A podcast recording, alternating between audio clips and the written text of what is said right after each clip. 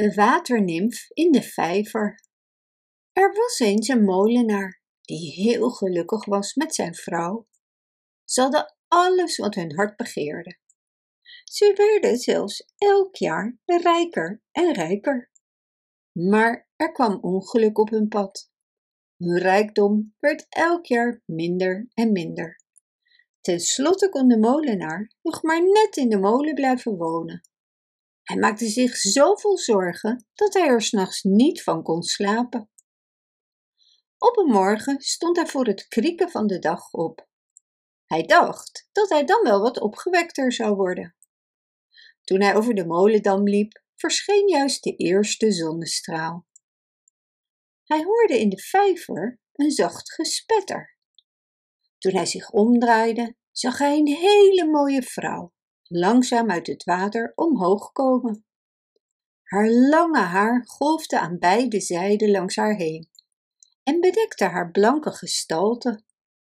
Nu zag hij dat het de waternimf was en hij wist van angst niet of hij moest blijven staan of wegrennen. De nimf riep hem bij zijn naam en vroeg hem met haar zachte stem waarom hij zo verdrietig was. De molenaar was stom verbaasd. Omdat ze vriendelijk was, vatte hij de moed op en vertelde haar dat hij eerst een gelukkig en rijk leven had, maar nu zo arm was dat hij zich geen raad meer wist. Wees maar kalm, zei de nimf. Ik zal je nog veel rijker en gelukkiger maken.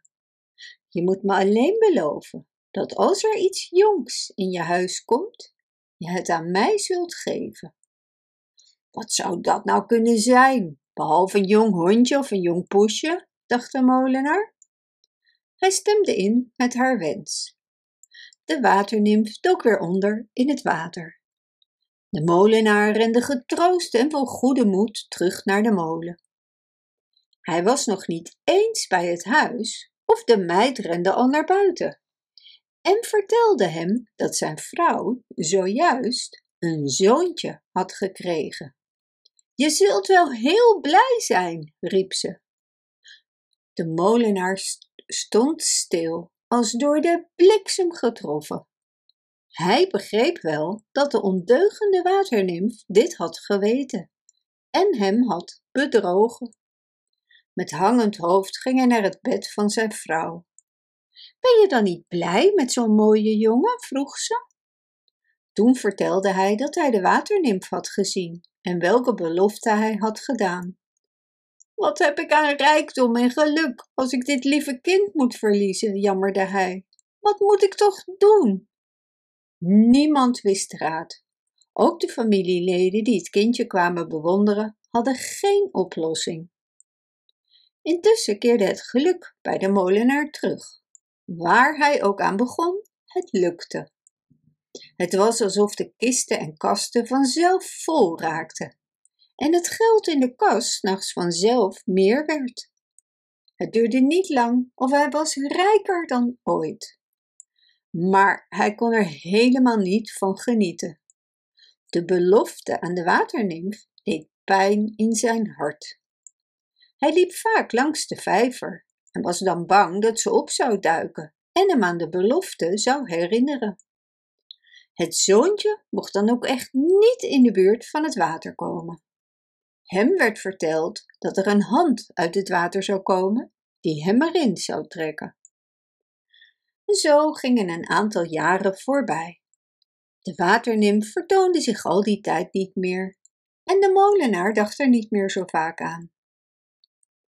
De jongen groeide op tot een sterke jonge man en hij ging bij een jager in de leer. Toen hij een volleerd jager was geworden, nam de dorpsheer hem in dienst. In het dorp woonde een mooi, betrouwbaar meisje. De jager ging van haar houden. Hij kreeg van zijn meester een klein huis. Na de bruiloft leefden ze rustig en gelukkig samen en hielden heel veel van elkaar. Op een dag achtervolgde de jager een hert. Toen het dier uit het bos kwam en het veld inrende, schoot de jager. Hij merkte daarbij niet dat hij gevaarlijk dicht in de buurt van de vijver was gekomen. Nadat hij het dier had opgepakt, waste hij zijn met bloed bevlekte handen in de vijver. Nauwelijks had hij zijn handen in het water of de waternimf steeg omhoog. Ze omarmde hem lachend en trok hem zo snel naar beneden dat de golven over hem heen sloegen.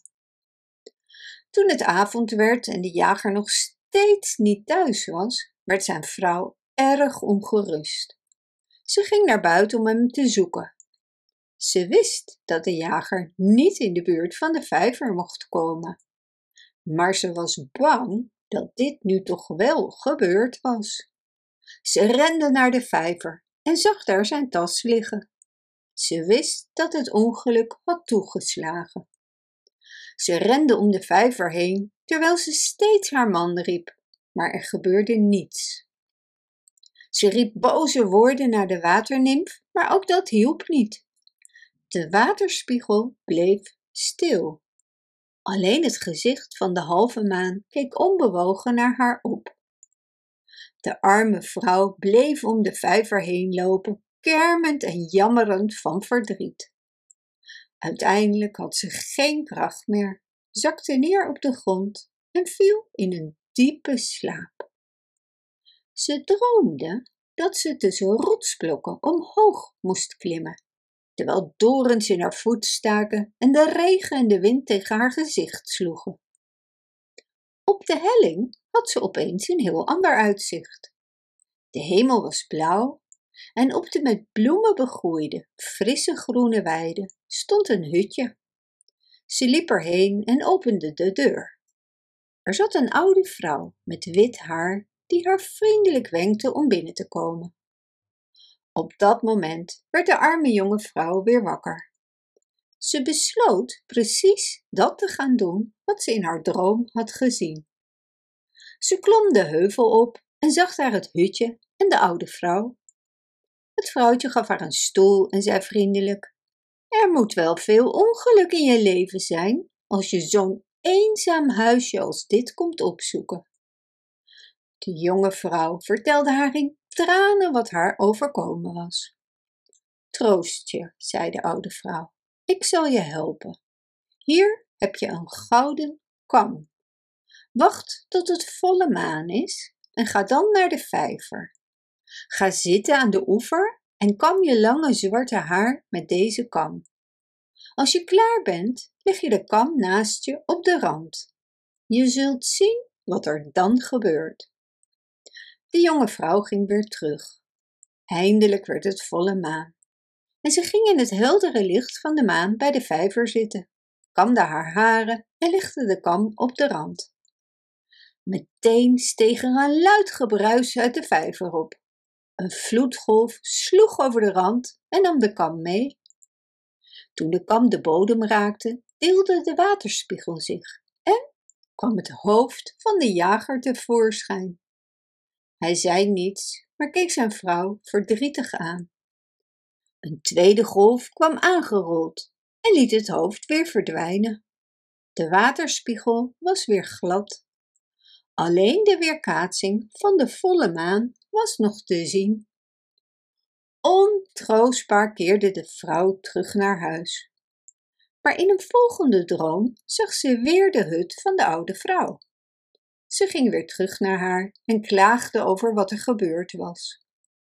De oude vrouw gaf haar nu een gouden fluit en zei: Wacht weer tot het volle maan is. Blaas dan aan de oever een liedje op de fluit. Leg de fluit in het zand naast je en wacht af.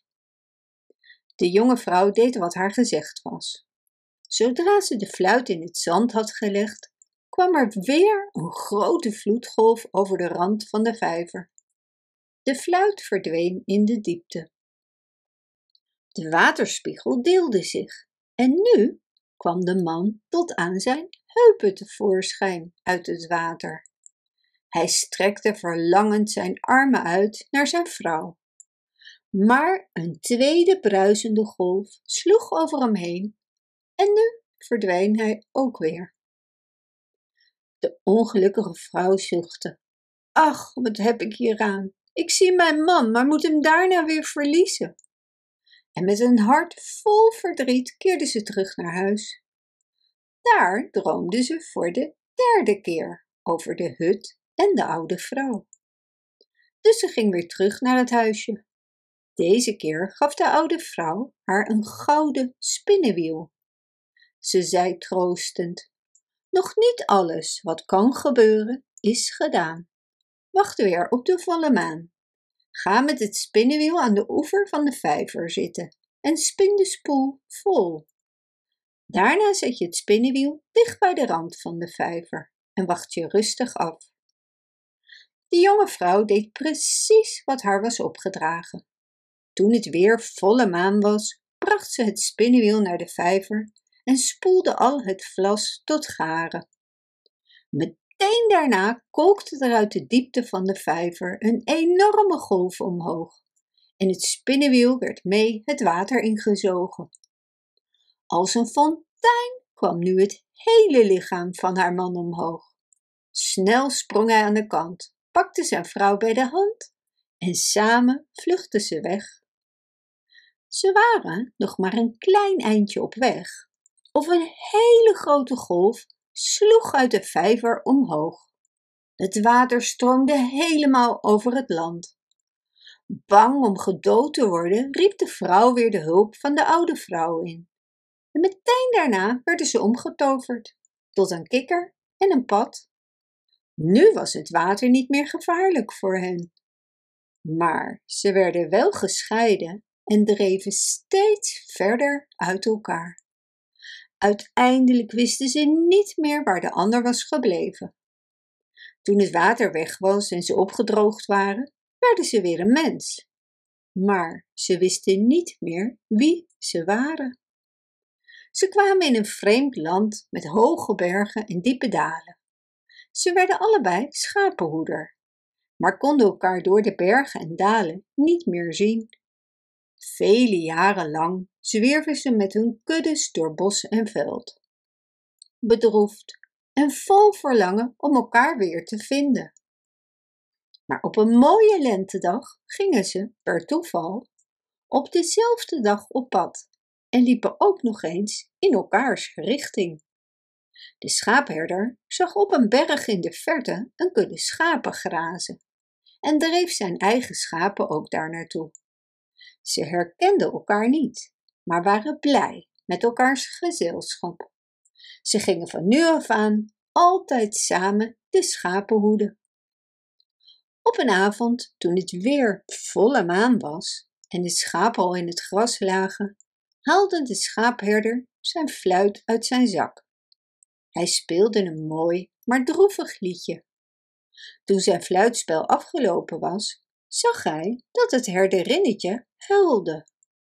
Waarom huil je? vroeg hij. Och, zei ze, zo scheen de volle maan ook, toen ik voor het laatst dit liedje op de fluit blies en het hoofd van mijn lieve man uit het water omhoog kwam. De schaapherder keek nog eens naar haar en plotseling leek het alsof de nevel optrok. Opeens herkende hij zijn eigen vrouw. Even later herkende ook zij haar man.